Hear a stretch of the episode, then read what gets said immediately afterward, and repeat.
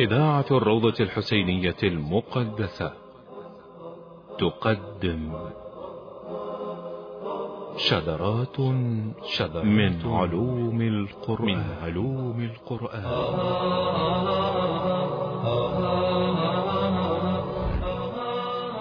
شذرات من علوم القرآن. إعداد وتقديم السيد مرتضى جمال الدين. شذرات من علوم القرآن مونتاج نورة الكربلائي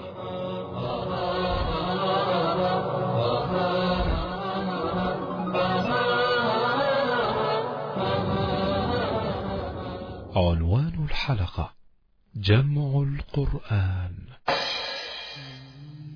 أعوذ بالله السميع العليم من الشيطان الغوي الرجيم. بسم الله الرحمن الرحيم. والحمد لله رب العالمين. وصلى الله على سيدنا ونبينا محمد وآله الطيبين الطاهرين. أحبتي ها قد شارفنا على انتهاء الحلقات الثلاثين.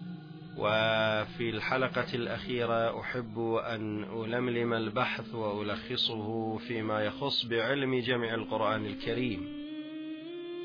ذكرنا في الحلقتين السابقتين أن معضلة جمع القرآن الكريم شغلت أذهان العلماء بسبب تضارب الروايات التي نقلها الرواة وأصحاب التاريخ والسير إلا أن الرواية التي نقلت عن طرقنا في كتاب الاحتجاج للطبرسي عن شاهد العيان الصحابي الجليل أبي ذر الغفاري تترجم لنا هذا التضارب بل وتبرمجه على تسلسل منطقي تاريخي واضح. قالوا أن القرآن قد جمع في زمن رسول الله. رسول الله صلى الله عليه وآله كان أحرص الناس على القرآن. نعم قد دونه كاملا. لم يدون فقط ألفاظه بل دون ألفاظه وتفسيره وتأويله وناسخه ومنسوخه ومحكمه ومتشابهه. وأثبت ذلك علي عليه السلام في مصحفه الرسمي الذي هو مصحف رسول الله. وكذلك الصحابة علمهم النبي عشر آيات عشر آيات لا ينتقلون إلى العشر الأخر حتى يعلموا القراءة والعلم والعمل بها. ويثبتون التفسير والتأويل ضمنان مع المصحف الشريف.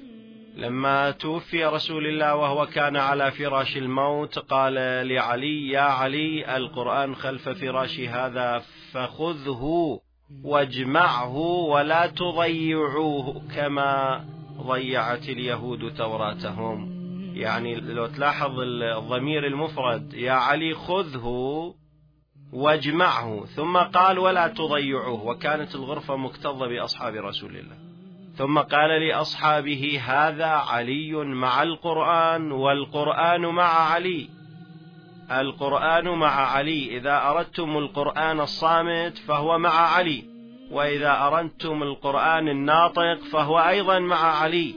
واشتهر عن رسول الله صلى الله عليه وآله علي يعلمكم القرآن بعدي. كثير من الروايات اشتهرت في مجال القرآن بأن النبي قال أبي بن كعب سيد القراء وقال ابن عباس ترجمان القرآن. ما أدري ابن عباس كان عمره ست سنوات لما توفى النبي. وين يقدر يترجم القرآن؟ نعم إذا كبر تتلمذ على المعلم الأول علي بن أبي طالب والمعلم الثاني كان أبي بن كعب. فلما غصبت الخلافة وأخذ الجماعة تقمصها ابن أبي قحافة وصاحبه فلما ضربوا الركن الأول من أركان الثقلين العترة الطاهرة بقي الثقل الآخر. أراد الإمام علي في خضم تلك الأحداث وفاة النبي وهجومهم على الدار وانقلاب الأمة أراد أن يحفظ تراث الأمة المتمثل بالقرآن الكريم وتفسيره وعلمه. فلهذا لما كانوا بعدما سيطروا على كرسي الخلافة أخذوا يبعثون رسائل يا علي لما لا تبايع؟ كان يتذرع قال يقول الإمام علي إني آليت على نفسي أن لا أضع على متني رداء حتى أجمع القرآن. آليت يعني حلفت. ففعلا أمير المؤمنين عليه السلام انزوى في بيته يجمع القرآن بين اللوحين ملاحظة. أنا أعيد وأكرر على هذه الملاحظة. نفرق بين مصطلحين قرآنيين هما تدوين القرآن شيء وجمع القرآن شيء. تدوين القرآن بكل حذافيره وبكل علومه نعم. دون من فم رسول الله كاملا ولم يقصر رسول الله في ذلك. لا في أهل البيت ولا عن الصحابة قصر. أعطى كل شيء. إلا أنه أمر عليا بأن يجمع القرآن والرواية تقول وكان به عالما. من باب أنه يريد أن يبين فضل وصية علي بن أبي طالب. مثل قضية النبي الله سليمان أيهما أفضل النبي أم الوصي؟ قطعا النبي. زين إذا كان أصف بن برخية يأتي بعرش بلقيس. زين نبي الله سليمان لا يستطيع ذلك؟ أكيد يستطيع. ولكن قال سئلوا الإمام الصادق لماذا فعل هذا؟ قال حتى يبين فضل وصية يعني هذا أكثركم علما ولهذا كلفه بالخلافة وكلفه بجمع القرآن. لما جمع القرآن وأتى به إلى مسجد رسول الله في يوم جمعة والناس مكتظة فقال لهم ها قد جمعت القرآن وقد أمرني بذلك رسول الله أن أعرضه عليكم وها قد عرضته عليكم. طبعا كان الخليفة آنذاك اللي هو ما أخذ زمام الأمور أبو بكر. يقول الرواية ففتحه وإذا يجد فيه فضائح المهاجرين والأنصار. وثب عمر وثب يعني طفر من مكانه وقال يا علي أردده لا حاجة لنا. في مصحفك لدينا مصحف جامع. والقضية كلها يعني كانت خلافة أبي بكر فلتة وكان القرارات كلها ارتجالية. والآن الجماعة توهم لزموا الكرسي والدولة. فأرادوا أن يدفعوا هذا الإشكال بأي شيء بأي طريقة وبأي حيلة. لماذا؟ ما ما ما في قرآن علي حتى يجعلهم لا حاجة لنا في قرآنك؟ أو في مصحفك لدينا مصحف جامع؟ لأن فيه قلت التفسير والتأويل.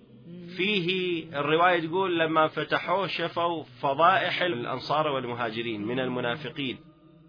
فهذا يضرب سند خلافتهم. الجانب الآخر المضيء شنو؟ فيه فضائل علي وأولاد علي. زين إذا انتشرت فضائل علي وأولاد علي في القرآن نعم تبطل خلافته. ففكر هنا أكو رأي أن القرآن جمعه الخلفاء الثلاثة بعد وفاة رسول الله.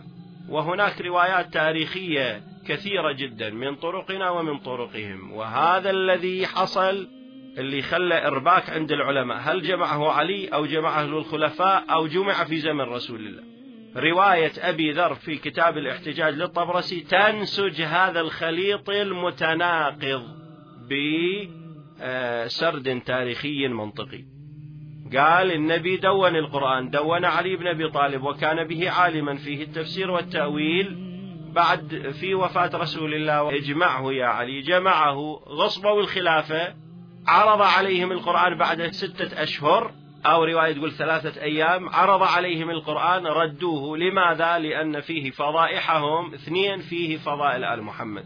وذني إلى أن تشرن تبطل خلافتهم. لأن الفضائح تبطل خلافتهم وفضائل علي وأحقيته بالخلافة موجود. إنما وليكم الله ورسوله والذين آمنوا. وهي الآيات التي نزلت في ولاية علي لو لا؟ رفضوا هذا المصحف قالوا لا حاجة لنا في كتابك لدينا مصحف جامع. هنا بدأ عمر يخطط كيف يجمع القرآن وهل هناك خبير في هذه المسألة؟ فشاف أبي بن كعب يرى رأي علي عبد الله بن مسعود يرى رأي علي فما وجد إلا زيد بن ثابت الأنصاري. زيد بن ثابت الأنصاري كان يميل إليهم. ويدلو بدلوهم ففاتحه عمر يا زيد كنت تكتب القرآن في زمن رسول الله. فهلا جمعت القرآن؟ يقول زيد والله لو كلفني بنقل جبل من مكانه لكان أهون علي من ذلك. هاي عبارته. عبارة ثانية شنو؟ يقول وكيف لما اجى عمر قال لأبي بكر اجمع القرآن قال وكيف نفعل أمرا ما أمرنا به رسول الله أو لم يفعله رسول الله؟ هذا حد تعبير أبي بكر. فالقضية مو هينة وكلهم كانوا مو قراء قرآن. حتى ابن مسعود يقول لعثمان قراءة القرآن وكان يلهيك الصفق في الأسواق. تجد قبل بياع شراي تاجر مو يم القرآن. أنا كنت آخذ من فم رسول الله سبعين سورة. تستبعدون القراء وساداتهم وعلمائهم وتاخذون هذا الصبي. يقول أخذت من فم رسول الله سبعين سورة وزيد بن ثابت يلعب مع صبية اليهود في المدينة وكانت له ذؤابتان يعني قصيبتين. فلما شاور زيد فأمر الخليفة من موقعه السياسي ومن موقعه الإداري إعلان عام من كان لديه صحف فيها القرآن أو قراطيس أو أكتاف أو حرير أو كل شيء مكتوب في القرآن اجمعوه حتى نؤلفه فيما بيننا. فعلا جمعوه في كل خلافة أبي بكر وهي طولة سنتين خلافة أبي بكر. فلما مات انتقل إلى عمر بن الخطاب. وكان عمر بن الخطاب الخليفة الثاني أمينا على طريقته. شلون أمين؟ في حياة رسول الله قال حسبنا كتاب الله. بعد وفاة رسول الله طبق هذه النظرية بإعلان آخر جردوا القرآن من أحاديث رسول الله وأنا زعيمكم. وهاي الروايات منتشرة في السنة قبل الشيعة. وراجعوا إلى كتاب من تدوين الحديث للسيد علي الشهرستاني منع عمر تدوين الحديث وأباحه عمر بن عبد العزيز بعد مئة سنة من من الزمان. فلما واحد يسمع جرد القرآن من أحاديث رسول الله وإحنا نشوف القرآن ما بي أحاديث نستغرب نقول هاي العبارة من إجت؟ وإلا لما نرجع إلى كتاب السيد مرتضى العسكري رحمه الله في كتابه الرائع القرآن وروايات المدرستين يبين أن الآلية كانت عند أمير المؤمنين وعند الصحابة واحدة كان النبي يعطيهم القرآن وتفسيره ويثبتون الأحاديث التفسيرية. ولهذا قال عمر جردوا القرآن من أحاديث رسول الله وأنا زعيمكم. فعشر سنوات تقريبا خلافة عمر بن الخطاب كانوا يجمعون القرآن الكريم. ويدونونه مجردا عن الحديث. هذا جمع. جمع آخر كانوا يجمعون الصحائف التي فيها أحاديث رسول الله. الأخرى ويحرقونها فضائل علي وغيرها يحرقونها. وروايات كثيرة لمن يحب أن يراجع على أن أبي بكر في زمانه كان يستخير الله شهر كامل أعمل بهاي الرواية أو ما أعمل إلى أن خار الله له. لا مو خار الله له وإنما خار له الشيطان. فصبح الصبح قال عائشة جيبي لي نار خل أحرقهن حرق. عمر بن الخطاب يعلن شيء ويبطن شيء. يقول لهم ائتوني بالصحف التي أو الصحائف التي فيها أحاديث رسول الله حتى ننسخها. فلما جمعها شهر شهرين ثلاثة إلى أنساهم إياها ثم حرقها. وكانت لديه سلطة وإدارة وكانت صوت عمر بن الخطاب يقولون أبلغ من سيف الحجاج. شوف الع... شوف شوف البلاء اللي صار في تلك زين. وحبس عمر بن الخطاب الصحابة فقال لهم والله لا تفارقوني معاشر صحابة رسول الله. لماذا؟ خوفا من أن ينقلوا الأحداث المريرة وفضائل علي وأحاديث رسول الله إلى العالم. فإذا مات وعمر بن الخطاب. فتعرفون قضية الشورى ما كان من هو الذي يخلف عمر بالذات ما كان معروف. كان يتمنى عمر بن الخطاب أن يكون أبو عبيدة الجراح هو الذي يخلفه وهذا طبعا كان أمير سر النفاق للطابور النفاق. مات هلك قبل عمر. فلما خلى الأمر شورى المصحف كان أمانة عند من؟ عند حفصة بنت عمر بن الخطاب. فلما تولى عثمان بن عفان الخلافة بعث إلى حفصة أن ائتيني بالمصحف الذي كتبه عمر أو كتبه زيد بن ثابت بأمر من عمر. شالت المصحف وأعطت إياه إلى عثمان بن عفان. اكتمل جمع القرآن في زمن عثمان بن عفان يعني على مستوى خلافة الأول والثاني والثالث في زمن عثمان اكتمل.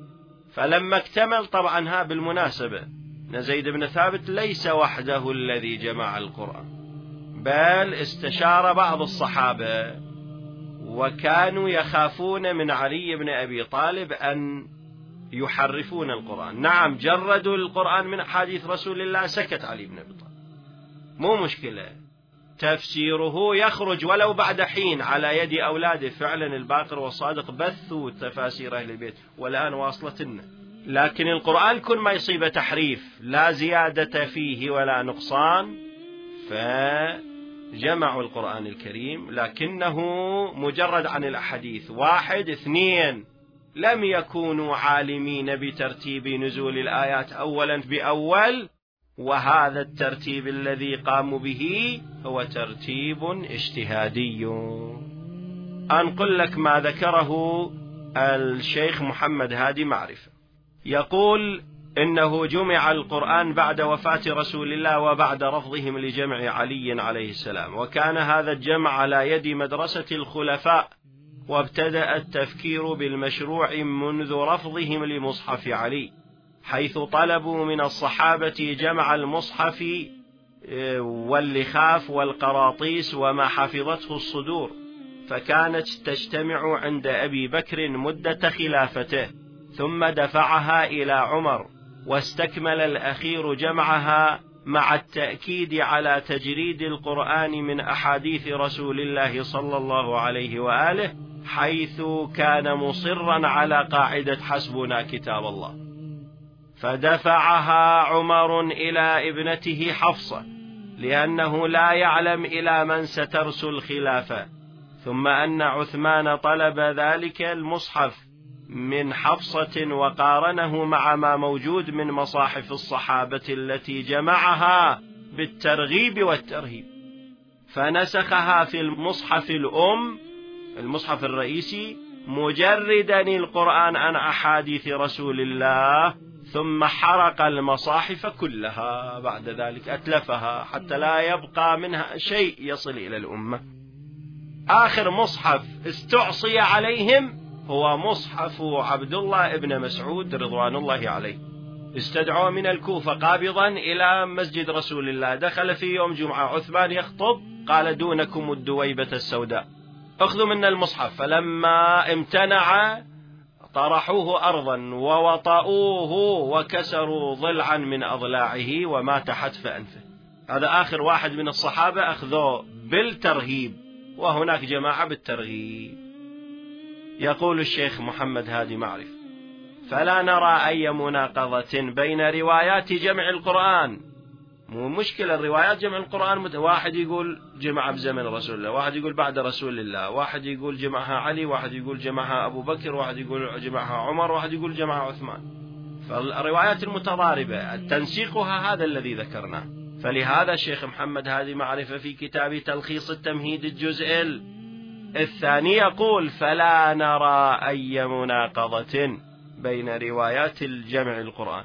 إذ لا شك أن عمر هو الذي أشار على أبي بكر بجمع القرآن وهذا الأخير أبو بكر أمر زيدا أن يتصدى القضية فتصدى لها. ويؤكد الشيخ هادي معرفة في تلخيص التمهيد ملاحظات على جمع زيد بن ثابت. أنا أنقل لك إياها بالصفحة. نعم وبالعبارة. فما هي مميزات جمع؟ زيد بن ثابت للمصحف الشريف قال أولا إن المصحف الذي جمعه الخلفاء هو القرآن النازل على قلب رسول الله. هاي مهمة مهمة هاي أن القرآن الذي جمعه الصحابة هو قرآن هو كتاب الله. ما فيه زيادة ولا نقيصة. إنما كان مخالفا لترتيب النزول. وليس ترتيبه هذا الذي بين أيدينا هو من ترتيب رسول الله. راجع هذه الفقرة صفحة 200 من الجزء الثاني من تلخيص التمهيد.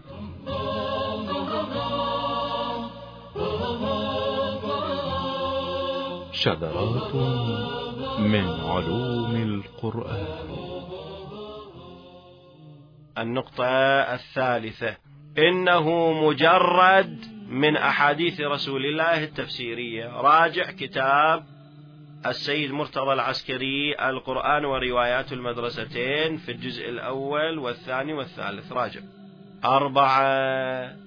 أن المصحف الذي نقل إلينا خال من الإعجام والتشكيل. شنو الإعجام؟ الإعجام يعني التنقيط. يقول هذا حرف معجم يعني منقط. حرف مهمل يعني غير منقط ما بي نقطة. فرضا الحاء يقولون حاء مهملة يعني ما بها نقطة. قالوا خاء خاء المعجمة. ونقطة من فوق. هالشكل يعبرون قبل حتى لا يصير تصحيف.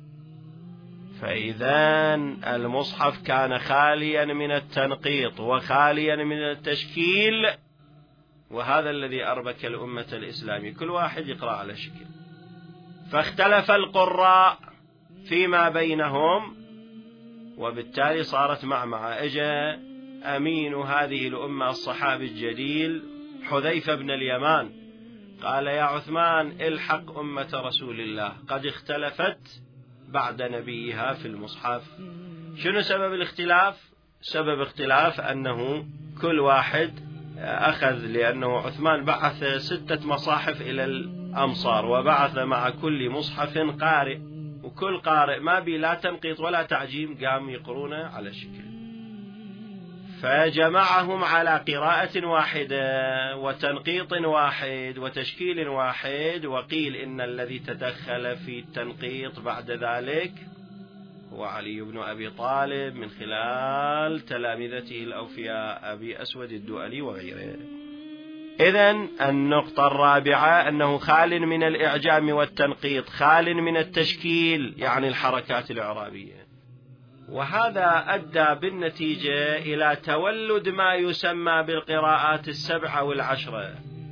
كل من عنده خبرة بالقراءات يجد أن بعض الاختلاف بالقراءات يرجع إلى التنقيط وإلى التشكيل. مثلا واعتزلوا النساء في المحيض حتى يطهرن أو يطهرن. تشكيل هذا فارق تشكيل. زين؟ آه العظام حتى آه ننشرها لو ننشزها. اختلاف في التنقيط هكو هيك قراءات اللي عنده خبرة في آه القراءات السبع يجد أن هذا واضح. طبعا خال من الإعجام والتنقيط ارجع صفحة 202 رقم خمسة توجد فيه هاي يسجلها الملاحظات الشيخ محمد هادي معرفة. توجد في المصحف الشريف توجد فيه مخالفة للرسم الإملائي الصحيح. وذكر بذلك جدول. راجع صفحة 211 من كتاب تلخيص التمهيد. يذكر جدول يقول هاي الكلمة نفس الكلمة. يكتبها في سورة كذا مثلا في سورة البقرة برسم معين ثم يكتبها في سورة آل عمران برسم آخر. مسوي الشيخ محمد هادي معرفة جزاه الله خير. مسوي له جدول في ذلك. علي بن أبي طالب لما اجت الخلافة لعله يقول قائل لماذا لا؟ يخرج مصحفه. الجواب هناك أمور أبسط من هذا. علي ما استطاع سلام الله عليه أن يغيرها ويحركها. خوفا من أن يقولوا أن عليا غير السنة. فلهذا قال قولته سلام الله عليه القرآن لا يهاج ولا يغير. اجعلوا على هذا الترتيب. طلحة لما سأله قال له هذا اللي جمعوا الخلفاء. قرآن؟ قال نعم.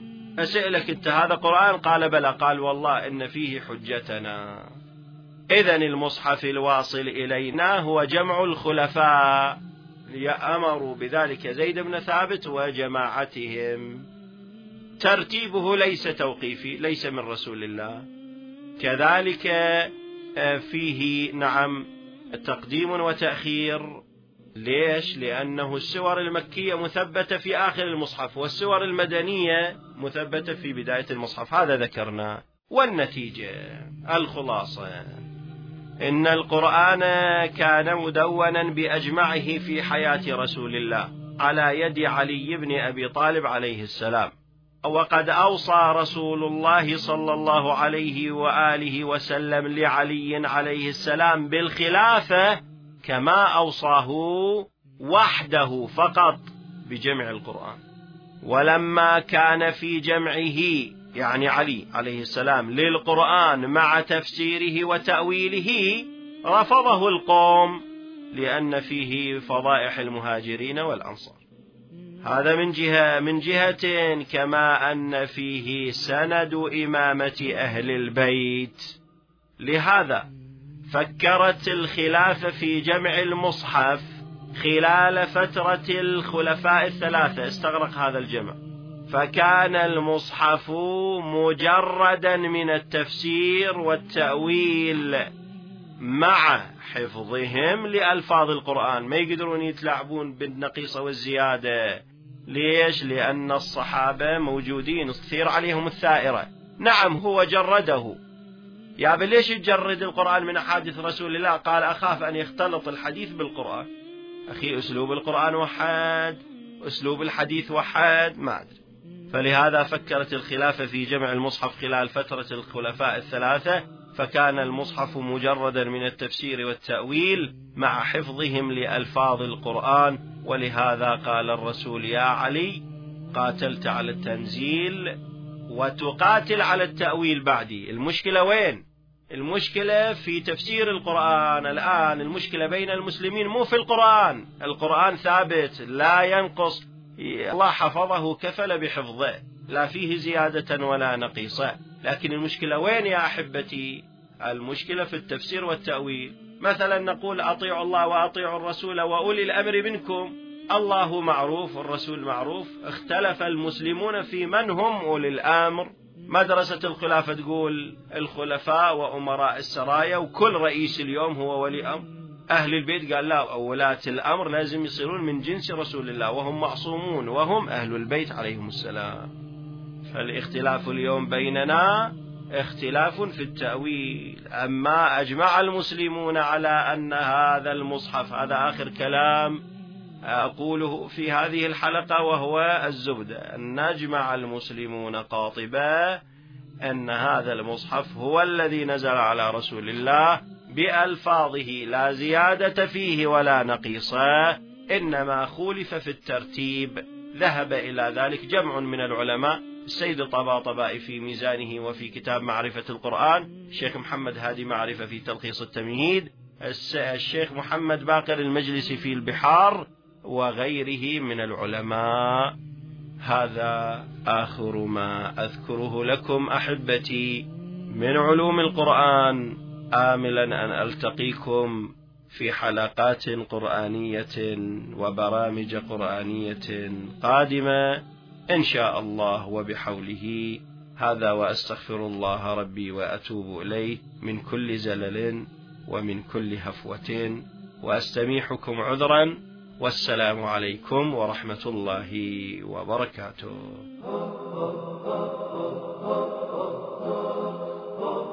قدمت لكم إذاعة الروضة الحسينية المقدسة.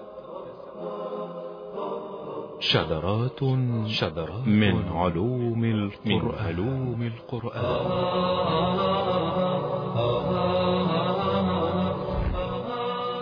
شذرات من علوم القرآن. إعداد وتقديم السيد مرتضى جمال الدين. شذرات من علوم القرآن. مونتاج نورس الكربلائي.